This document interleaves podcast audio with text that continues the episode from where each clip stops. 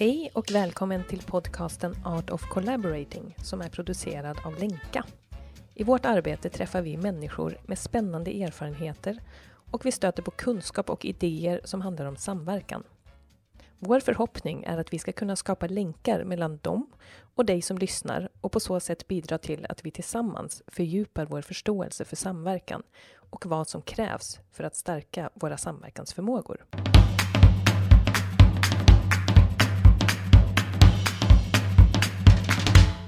Ja, Anna. Nu är det ju inte Anna Singmark utan Anna Hedman Jernberg. Nu sitter vi här och vi ska ha ett eh, jättekul samtal som jag ser jättemycket fram emot. Och jag tänkte inleda det nu lite med så här att kanske många har varit med om, alltså de som lyssnar nu, kanske man har varit med om att ibland på möten eller på en konferens eller sådär så kan det stå någon människa och och rita på en tavla om man ses fysiskt eller så kan det vara så att man ritar på en eh, padda eller någonting på, i ett digitalt möte. Men i alla fall så finns det ju ibland, och jag tror mer och mer, inslag av det på olika möten. Eh, och då kanske man tänker så ja ah, det var ju lite fint och lite snyggt och kul och kreativt liksom. Men man kanske inte har tänkt så mycket på att eh, varför man kan investera i det där som vi då kallar för ibland visualisering, ibland grafisk facilitering. Som vi ska prata lite om. Och eh, ja, det är det vi ska prata om idag. Varför tycker vi att det blir viktigt och eh, hur kan man lära sig det och hur kan man använda det här så jag tänker att vi ska checka in, men jag tänker att först får du säga någonting nu om dig själv, typ, eller någonting. Okej. Okay. ja, men Anna Hedman Jernberg, eh, samverkanskollega till er på Länka. Vi jobbar ju ihop en hel del. Jag jobbar också en del med samverkansfrågor, men kanske lite mer med eh, visualisering och det som jag kanske benämner mer som grafisk facilitering. Och jag har gjort en hel del sådana jobb, varit hon som står vid sidan om och ritar i ett möte och så. Så att jag använder mycket ord och bild tillsammans. Eh, och jobbar med olika, jag har, jobbar ju också med något som heter Tänka tillsammans som är en mötesplattform där vi möts kring olika frågor och vi tänker tillsammans, hittar olika sätt att hitta nya lösningar och kanske repetera olika metoder som man har träffat på tidigare.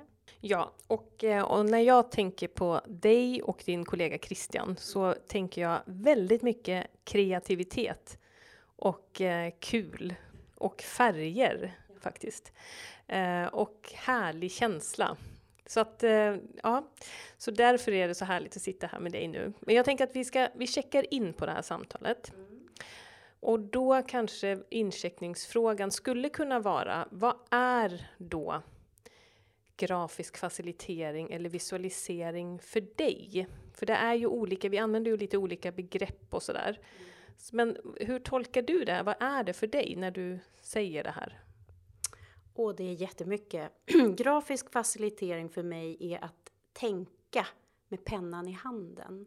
Att tänka och lyssna och eh, utifrån det jag hör så, får, så skapar jag text och bild som hänger ihop, som blir som en dokumentation kring det vi pratar om. Så att, eh, visualiseringen är jätteviktig när du pratar om det jag gör tillsammans med Christian. Det är vårt sätt att liksom arbeta kreativt framåt. Synliggöra det vi pratar om och tänker om.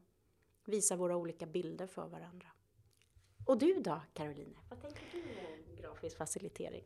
Ja, eh, ja men jag tänker att eh, det var ju väldigt fint sagt tycker jag, att tänka med pennan i handen.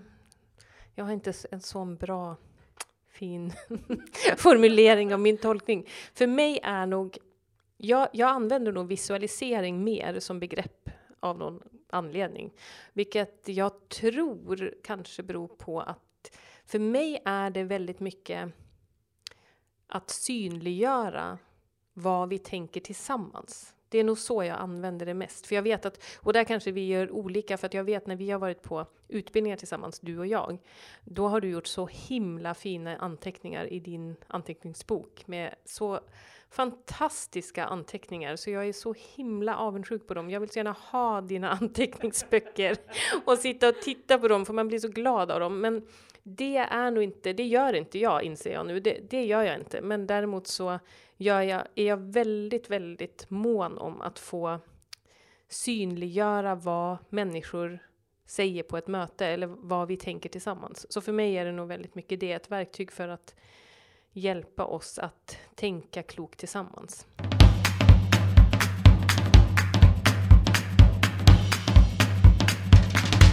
Då har vi lite våra ingångar här då. Så om vi ska börja lite med eh, kanske då varför, för jag tänker att mm, vi är nog väldigt övertygade om det där och har det lite med oss i ryggmärgen på något sätt.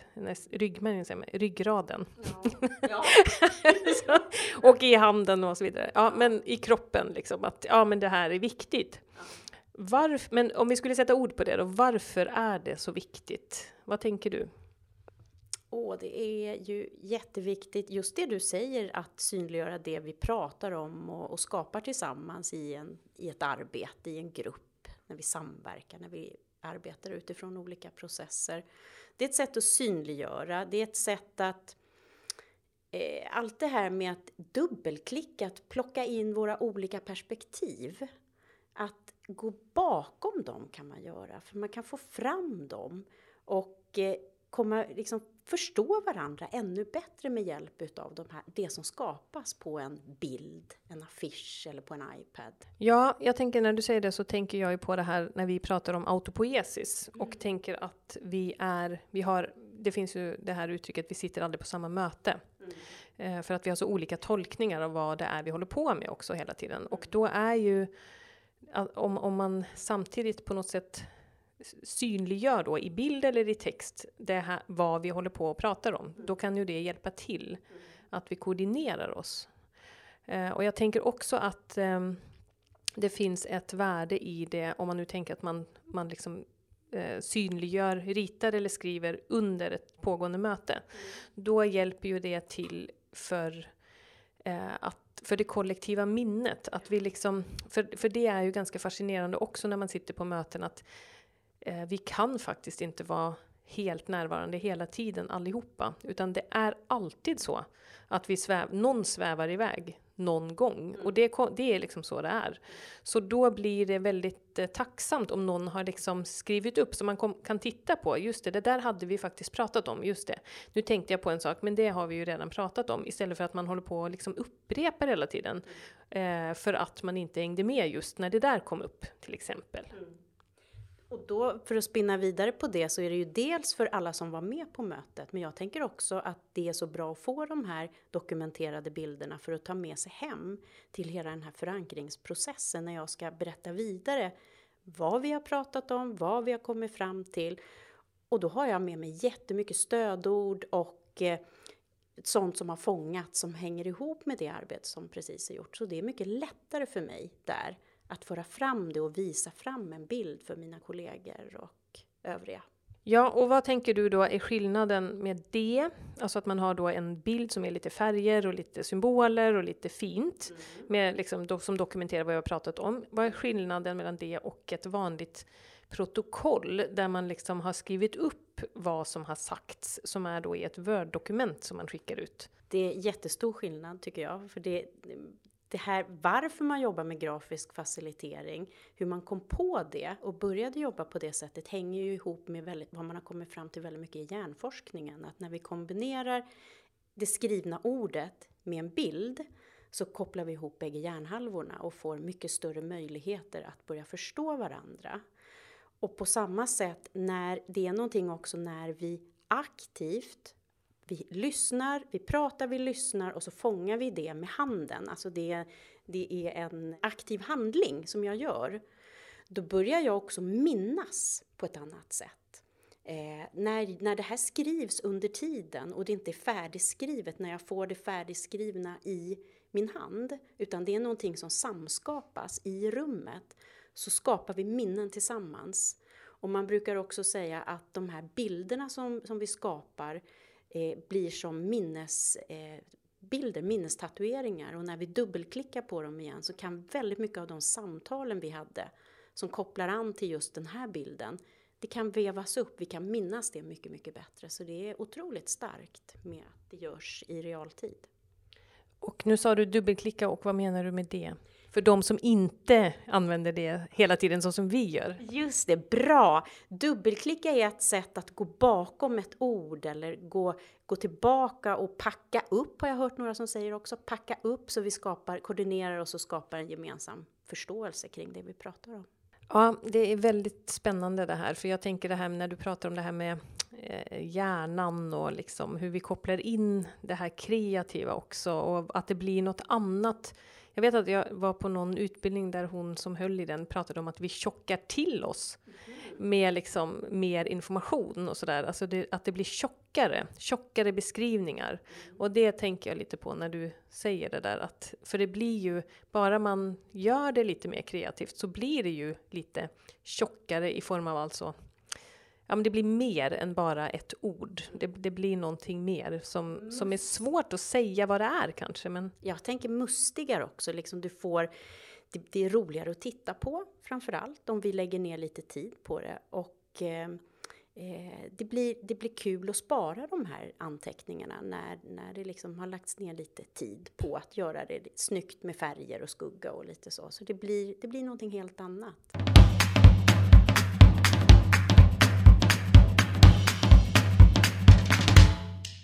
Jag tänker på en annan sak som, som jag också tror att det här kan eh, verkligen bidra till, om man nu tänker på samverkansmöten och där det ju ibland kan vara så att man kommer och har olika positioner i systemet, eller man kan ha olika roller. Någon kan vara VD, någon kan vara generaldirektör och sen kan det vara någon samordnare och så kan det vara någon handläggare. Det är liksom helt olika roller där det lätt kan bli positioneringar brukar vi prata om, att, att man positionerar sig gentemot varandra. Och det är ju, att det bara liksom, det blir bara ett sånt spel, ganska automatiskt kan det bli så.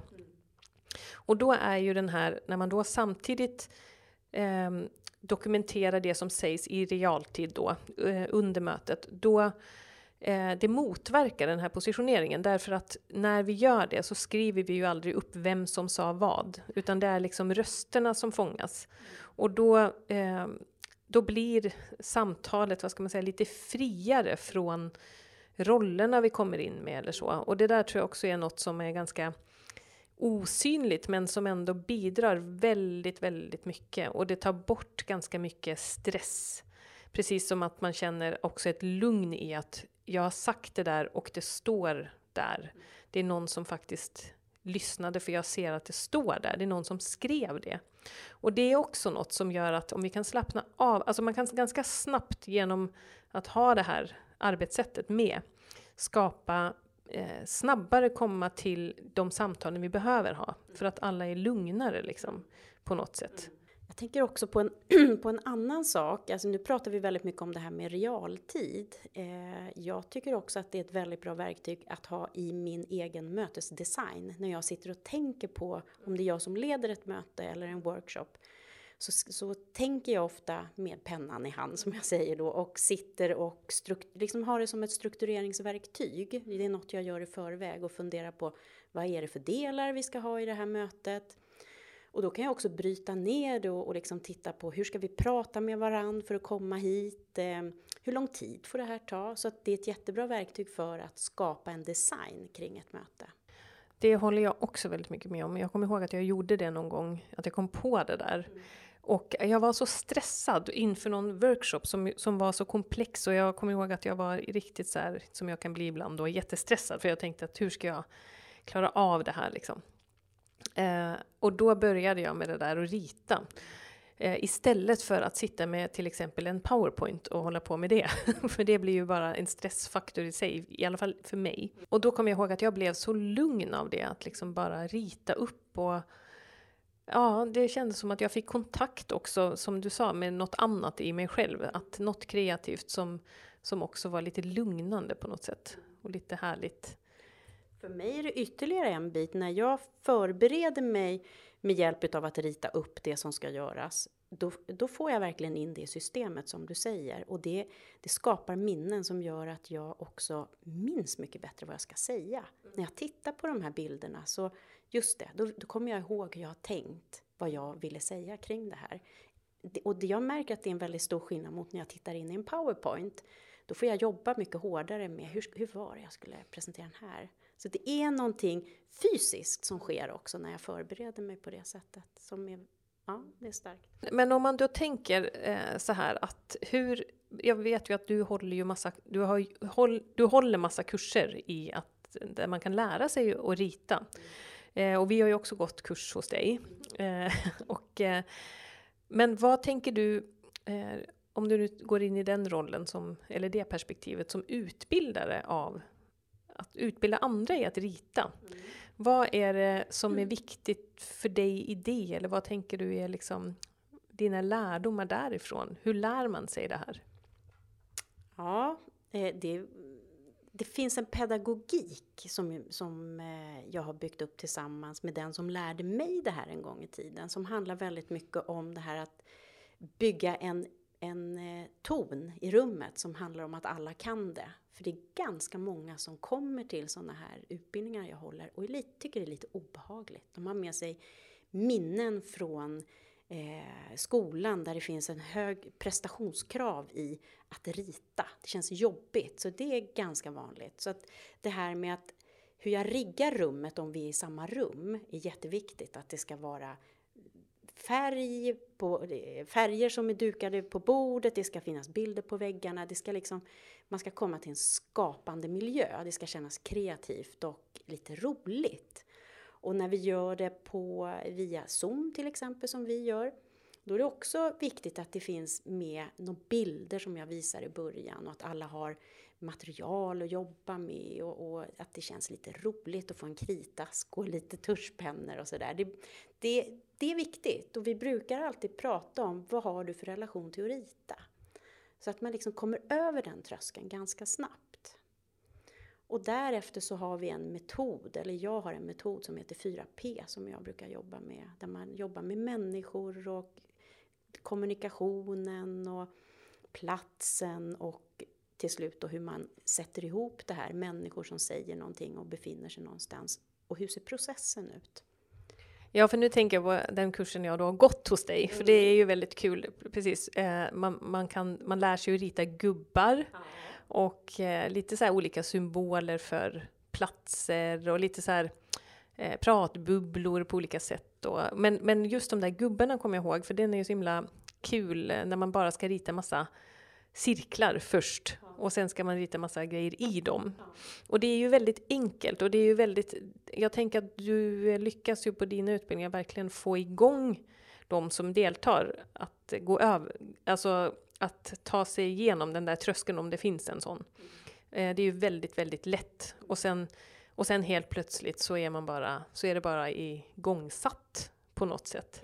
Det går så fort. Hela processen är jättesnabb och till en början så följer man mig varenda streck jag drar. Och, och, jag brukar också säga egentligen så handlar det om att jobba med fem former. Cirklar, kvadrater, trianglar, lite vågiga streck och en punkt. Och hur det handlar om i vilken ordning vi sätter ihop de här. Det är lite som att bygga lego. Eh, och till exempel när man ritar en gubbe så ritar man en cirkel som man fyller med ett ansiktsuttryck och så tar man ett upp och nervänt U som man sätter till den här cirkeln. Och helt plötsligt har vi ritat en, ett huvud och en kropp. Så det är lite det här lekfulla som jag tror kommer in i det här sättet att rita också. Vad, vad, tänker du händer med folk? För, för det är så roligt när du, du brukar ju ha pass på våra utbildningar och då är det så kul när vi, vi, vi lämnar ju dig med våra kursdeltagare och så får de liksom rita och sen kommer vi ibland in lite sådär på slutet. Eh, och oavsett faktiskt om det, det har varit fys fysiska utbildningar eller digitala, för du gör ju det här också digitalt, så känns det när vi kommer in då som att det är en helt annan stämning i rummet och att alla är liksom helt inne i sin ritvärld helt plötsligt och bara håller på och ritar och bryr sig inte om att någon börjar prata där. Och, ja, det är väldigt sådär... Ehm, de, det känns som att det är något frigörande med det här som gör att, att vi kan eh, vara lite mer i oss själva kanske, tänker jag nu. Också det där du sa med att det är något, alltså det går in i kroppen. Och att i oss själva, och då, eller vad, vad tänker du, vad är det som händer med människor efter, eh, under en sån där halvdags ritkurs? Ja, men jag tror just det här att jag kommer in i er utbildning där det är väldigt mycket, ny, kanske nya begrepp man ska lära sig. Det finns något som heter autopoesis, man pratar om game master, man pratar om förankringsprocesser. Det är väldigt mycket som kan kännas lite abstrakt till en början. Och så tror jag när, när vi ritar, det är så praktiskt. Det är en väldigt praktisk tillämpning som de, det här är inte så mycket de behöver reflektera över utan de gör, de är i görandet under de här tre timmarna jag är inne. Jag tror att det, det, de ser resultatet framför sig direkt. Jag tror att det kan handla en hel del om det. Det är så det är lite enkelt, det är lite roligt och de ser vad fint det blir, brukar de säga. Åh, titta! Så det är någonting med det här att de får resultaten så snabbt framför sig, tror jag. Det är intressant, precis. Det är lite vackert också. Det är lite härligt att titta på och man blir glad av det.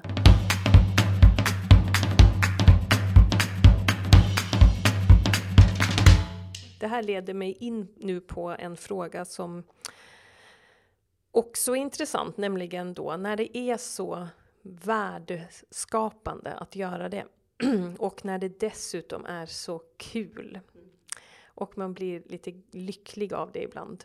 Varför görs det då så sällan? Det, det brukar vara med i utcheckningen. Så brukar många säga så här, oh, det här var ju jätteroligt och jag tror på det. Men jag vet inte om jag kommer kunna hinna med att använda det här. För att jag tror att man har en hypotes om att, att det tar väldigt mycket tid.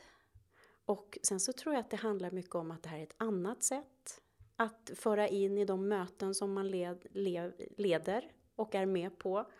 Eh, och att det kan kännas lite udda kanske till en början. Eh, för att jag tycker inte att det tar mer tid utan det ger mig tid. Och det här som du var inne på också med att eh, du blev avslappnad. Jag ser det här att förbereda ett möte och tänka igenom och strukturera och kanske ha en idé om hur samtalen kanske ska gå till. Det ger mig ett lugn. Eh, för då har jag redan varit inne, jag har en hypotes om hur jag, hur jag vill att delar ska gå till. Eh, så att jag tror att det handlar en del om, tillbaka till din fråga, jag tror att det handlar om att man upplever nog att det här är ett annorlunda sätt och det tar, det tar mer tid. Och det, frågan är, har man mer tid? Vi har ju så lite tid. Vi är, vi har, eh, vi är redan nu liksom lite stressade och har mycket att göra. Och då känns det här kanske som ett extra eh, arbetsmoment. Eh, som, och så kanske man tänker att det här var ju så kul. Det får lov att vara kul. Jag tror också att det handlar om det här med att vi, vi ska göra på ett annorlunda sätt. Alltså för, för om det är så där att, om jag bara tänker med mitt van, alltså som liksom, man tycker att något är jättevärdefullt och det är jättebra och det är jättekul. I min värld, då skulle jag ju bara göra det. Alltså, och grejen är att eh, både du och jag eh, använder ju det här också jämt, så att det, det är ju faktiskt något vi gör. Sen, sen har ju inte vi, sen har ju vi en särskild roll för att vi kommer in som externa konsulter väldigt ofta och då är det kanske enklare att, att komma in med ett eget arbetssätt i det där såklart. Men det jag tänker på då, det är Ja, men så, så det jag ville säga är bara att egentligen finns det ingenting som skulle hindra oss att, att testa det. Eh, men jag tänker det här att vi är så, och det där fascineras jag verkligen av, så inställda på att vi ska liksom göra så som vi brukar göra, eller så som ett format ser ut. Och liksom att ja, vi brukar alltid ha APT-mötena är ju alltid så här, eller styrgruppsmötet är alltid så här. Och det tycker jag är en ganska intressant eh, insikt, att vi kan faktiskt gestalta de där mötena helt fritt.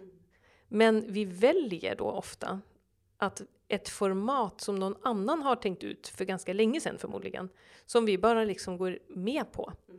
Och um, som, som inte ens, vi, vi, tar inte ens upp det till diskussion i vårt eget huvud kanske. Alltså vad, vad är det för format som, som, eh, som vi har som vi kan välja mellan här. Utan det, det, är liksom som att vi blir lite blinda i det där på något sätt. Och det där tycker jag är lite intressant. Eh, just när det kommer till ja, när vi pratar om något som är så himla bra, eh, fast man gör det inte. Nej. Och det är ju egentligen tillbaka till mer delar av det som, som är innehållet i era utbildningar också, att alla är rätt överens om när man har gått kanske två och en halv dag eller sex dagar och, se, och ser och lärt sig att checka in och, och ändå är det sådana jag möter sen som säger ja, det är ju det där att, att få till det, vi hinner inte riktigt. Och, så att jag, jag tror att det handlar om att eh, en möteskultur, att man behöver få in, eh, liksom lyfta upp det här samtalet om vad har vi för möteskultur och hur, hur går våra möten till? Och, och jag tror att vi har ett kalasläge just nu i och med att det är så mycket som har varit annorlunda. Och nu ska en del tillbaka till något som kanske blir som det var tidigare eller så inser man att det kan inte bli som det var tidigare. Så just nu tror jag vi har en möjlighet att verkligen utveckla möteskulturen i organisationen. Jag tror det att läget är verkligen nu mm. att göra det. Ja, jag tänker också det här ju, har ju hjälpt oss det här att vi har tvingats in i ett helt annat mötesformat. Har ju hjälpt oss att i alla fall få syn på att man kan göra på olika sätt. Jag har tvingat in oss i att göra på ett helt annat sätt och därmed få syn på vad som är skillnaden mot det vi brukar göra. Så det är lite det här apropå att man, man kan se olika alternativ. För det är väl det vi också har svårt för ibland då, att, vi, att se utanför vår egen vana box eller vad man ska säga av hur man gör saker. Eh, men just det här, eh, ja att, att det är, jag kommer ihåg att jag, vi höll en utbildning någon gång och så var det någon som sa efteråt, eh, ah, jag tycker att det här har varit så roligt, men får man ha roligt på jobbet? För just det, får man ha roligt på jobbet när det ändå är skattebetalarna som liksom betalar? Och då tänkte jag så här, ja, alltså var, varför inte det liksom egentligen? Men, men att man ens kommer på den tanken att man, för jag tänker lite på det här också, det, jag tänker tillbaka på de här protokollen med det skrivna ordet i Word-dokument. Um, det är som att vi har vant oss kanske också vid att våra jobb är ganska, Eh, vad ska man säga, avskalade från vissa delar av oss. Till exempel att ha jätteroligt. eller att tycka att det är vackert. Eller att liksom göra fina saker. Jag vet inte. Eller vara lite lekfull. Att det liksom inte riktigt får plats kanske. Eh, det skulle också kunna vara en, en anledning till att vi inte gör det. Det får jag också ofta höra på när vi har haft, framförallt när det har varit fysiska utbildningar och de kommer in i ett rum där det står tuschpennor och kriter och mycket papper och det är suddar och det är allt möjligt på väggarna. Och då kan det ofta bli såna kommentarer som, men får man ha så här roligt på jobbet? Ja, men det är klart det ska. Ja, men det känns nästan som man är tillbaka på förskolan. Att det är liksom, vi kommer tillbaka, de här bilderna tar tillbaka till någon sån här glädje. Och, och, när, och då kom jag på en sak till som vi kanske pratade om tidigare, men det slog mig nu när du började prata om de här protokollen och jag såg ett framför mig. Diarienummer står det också. Och skillnaden där tycker jag är när man, eh, när, du, när du har någon som skriver ett protokoll, då är det ju den personens tolkningar och filtreringar av vad som var viktigt. Till skillnad då från när vi har ett sätt att vi dokumenterar med bild och vi kan lägga till tillsammans, då blir det ju gruppens gemensamma bild av det som har sagts och det som skulle upp på, på väggen. Det är en stor skillnad. Och det är ju också kanske en utgångspunkt att ha då, för, för jag tänker att det kan ju finnas ett värde med ett protokoll. Det måste ha en viss form av någon, av någon an, konstig, jag på att säga, av någon anledning. Det var inte... Eh, jag, jag, jag tänker att det absolut har sitt värde ibland. Liksom. Men jag tänker att ibland så har det inte det. Och, eh, och vi kanske inte alltid tänker igenom det där så noggrant.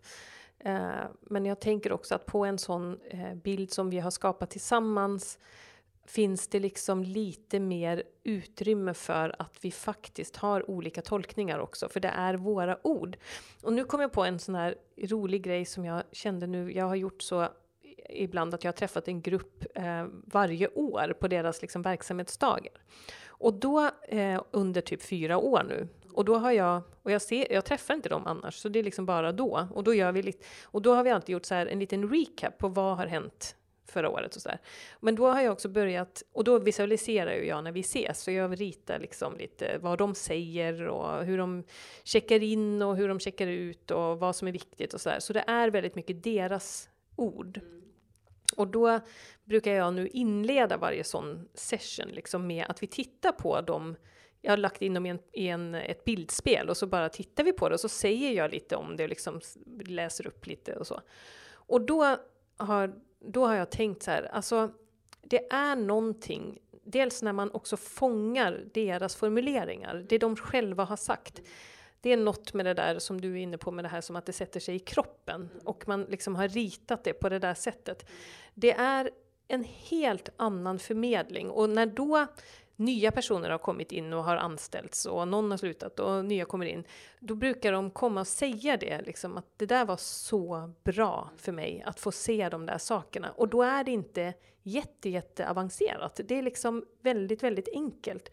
Men det är ändå någonting som förmedlas som, som liksom gynnar en gruppkänsla eller liksom en, ja men att vi är lite mer än bara de där nakna orden, eller abstrakta orden kanske det också är på något sätt. Så, så det är ju verkligen eh, in, ja, precis som du också var inne på, att man kan använda det som en dokumentation eller man kan liksom få, eh, ja, få, få fler in i, i spelet snabbare mm. genom att eh, visa dem de här bilderna. Liksom.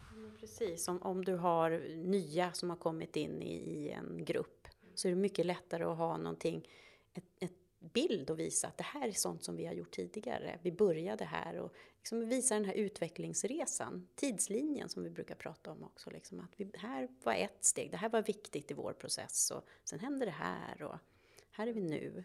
Och det kan vara det kan vara en sån process som är, är viktig både för de nya men också de gamla som har varit med länge och, och man glömmer bort. Så det kan vara så här, just det, det mm. där har vi faktiskt också åstadkommit.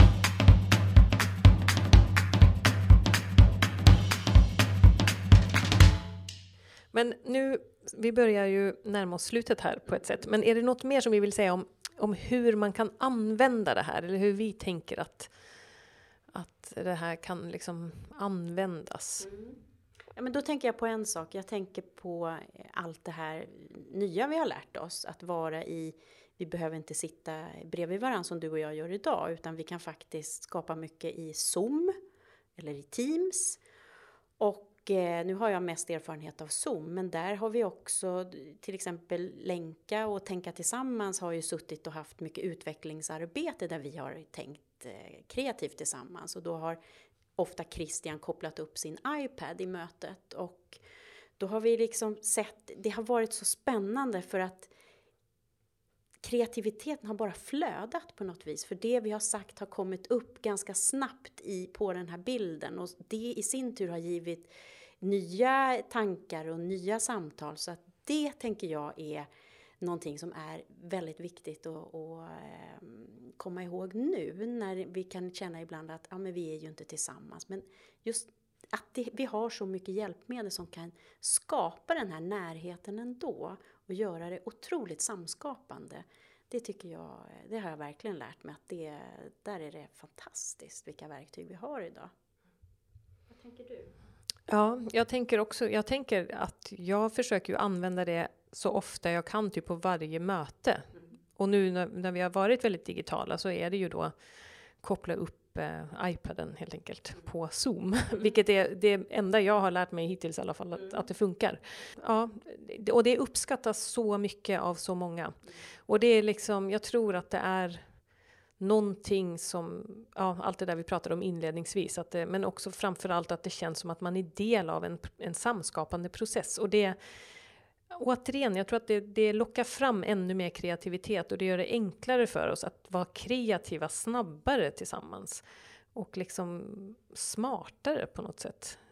Och jag tror att det hjälper oss att lyssna mer bättre på varandra också. Vi får ett annat aktivt lyssnande när jag faktiskt hör, jag kan slappna av och sitta och lyssna på vad ni andra säger och så kommer det upp. Jag behöver inte sitta och anstränga mig för att komma ihåg det utan det kommer upp på den här bilden. Så det, det gör någonting med hela känslan i mötet också tror jag. Den här avslappnade känslan som gör att vi liksom kan känna in varandra och ge varandra plats i samtalet på ett annat sätt. Mm. Men du, om man nu skulle vara lite spådam här då. om man tänker så här, hur, vad tror du? Tror du att det här faktiskt kommer att sprida sig eller kommer det inte att göra det? Och vad blir effekten av det ena och det andra? Alltså om det sprider sig jättemycket det här, att man börjar jobba på det här sättet. Vad skulle effekten av det bli? Oj, vilken bra fråga. Ja, jag hoppas och tror att det kommer sprida sig till fler. Eh, att eh, inse värdet av att det, det gör någonting annat. Effekten tror jag kommer bli eh, roligare, eh, mer samskapande möten. Eh, som vi eh, jag tror att det kommer bli mer eh, produktivitet faktiskt. För det kommer vara lättare att minnas vad vi kom fram till att vi skulle göra och ta med mig det hem. Så jag tror att vi kommer bli smartare och effektivare. Vad tror du? Ja, jag, det var precis, eh, tänker jag, precis att det kommer bli mindre slöseri med tid. För att vi kommer bli mycket mycket tidseffektivare faktiskt. Jag, är, jag håller helt med. För det, är, det går så mycket snabbare när man har med sig det arbetssättet och den metoden.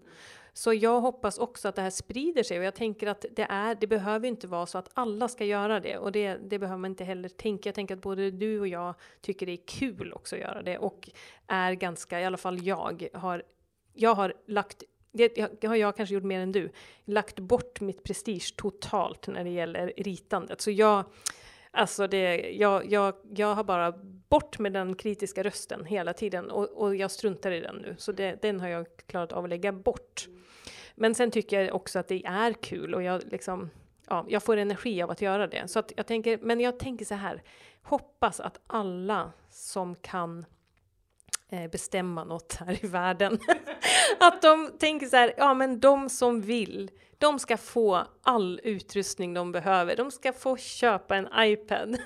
och det är bara att göra. Och de ska liksom, det där är något som är så lite pengar egentligen som vi lägger på det. Och det kommer ge oss så mycket mervärde i slutändan. Så det hoppas jag att man kan liksom eh, tänka på. Och sen att alla de som känner lite sådär, det där skulle vara kul, att de också vågar ta för sig i det här. För det, det är verkligen en framgångsfaktor.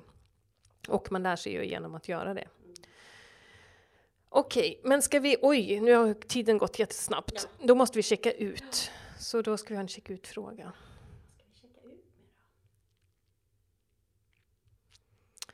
Ja, jag tänkte, kan, du, kan vi inte ha någon klurig fråga? Ja. en klurig fråga. Eller jag tänker så här då. Vad, vad, vad har varit din, din största så här, nyckelupplevelse i det här ritandet som har gjort att du verkligen vågade satsa på det? Vad var det som, som fick dig, om vi nu pratar om det här med liksom, vi vill att många ska ta det där steget. Vad var det som fick dig att ta det där steget, om du ska vara helt ärlig? Vad var det i dig själv som fick dig att ta det steget? Jag fick faktiskt hjälp, Caroline jag fick ju hjälp att ta det här steget för att jag kunde ju inte rita och jag visste ju inte att jag någonsin skulle hålla utbildningar i det här. Så det, vår eh, gamla kollega hjälpte ju mig på traven och lurade mig att hålla en workshop som hon hade sagt att hon skulle komma till Sverige och hålla. Den fick ju jag hålla, för hon kunde inte komma hit. Och jag var ju livrädd. Eh, men gjorde det. Och jag, alltså jag är så tacksam för det har gjort en sån stor skillnad. För att det har givit mig så mycket självförtroende att hålla workshops, vad jag än gör idag, så har ju jag någon kontakt med de här bilderna. Så att det har, det har gjort den stora skillnaden för mig, för att jag har fått ett verktyg som, som hjälper mig att förbereda mig och att vara i nuet. Så det skulle jag vilja säga jag är så tacksam för Ida, vår kollega som, som såg det här. Det här kommer Anna aldrig göra så jag måste knuffa in henne i det och det gjorde hon. Du då, vad har varit nyckeln för dig?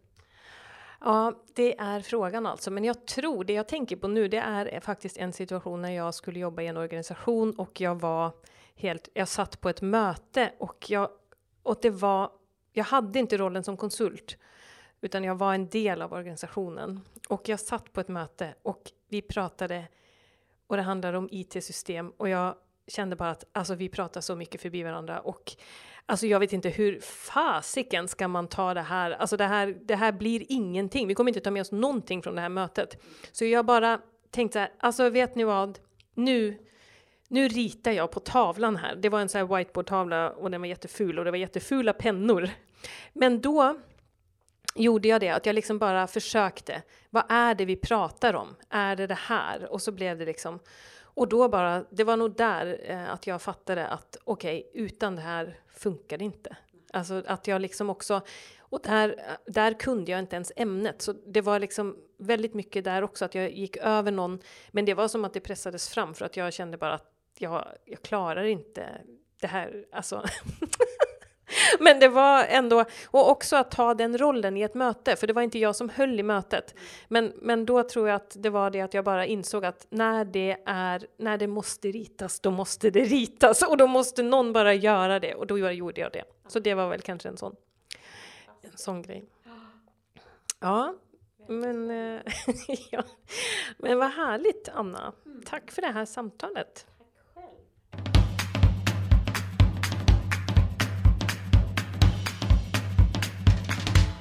Tack för att du har lyssnat. Den här podden är producerad av Lenka och redigering görs av Emma Larsson som är skribent och dokumentärfilmare. Vi hoppas att du blev inspirerad och stärkt i ditt intresse för att fortsätta utforska fenomenet samverkan.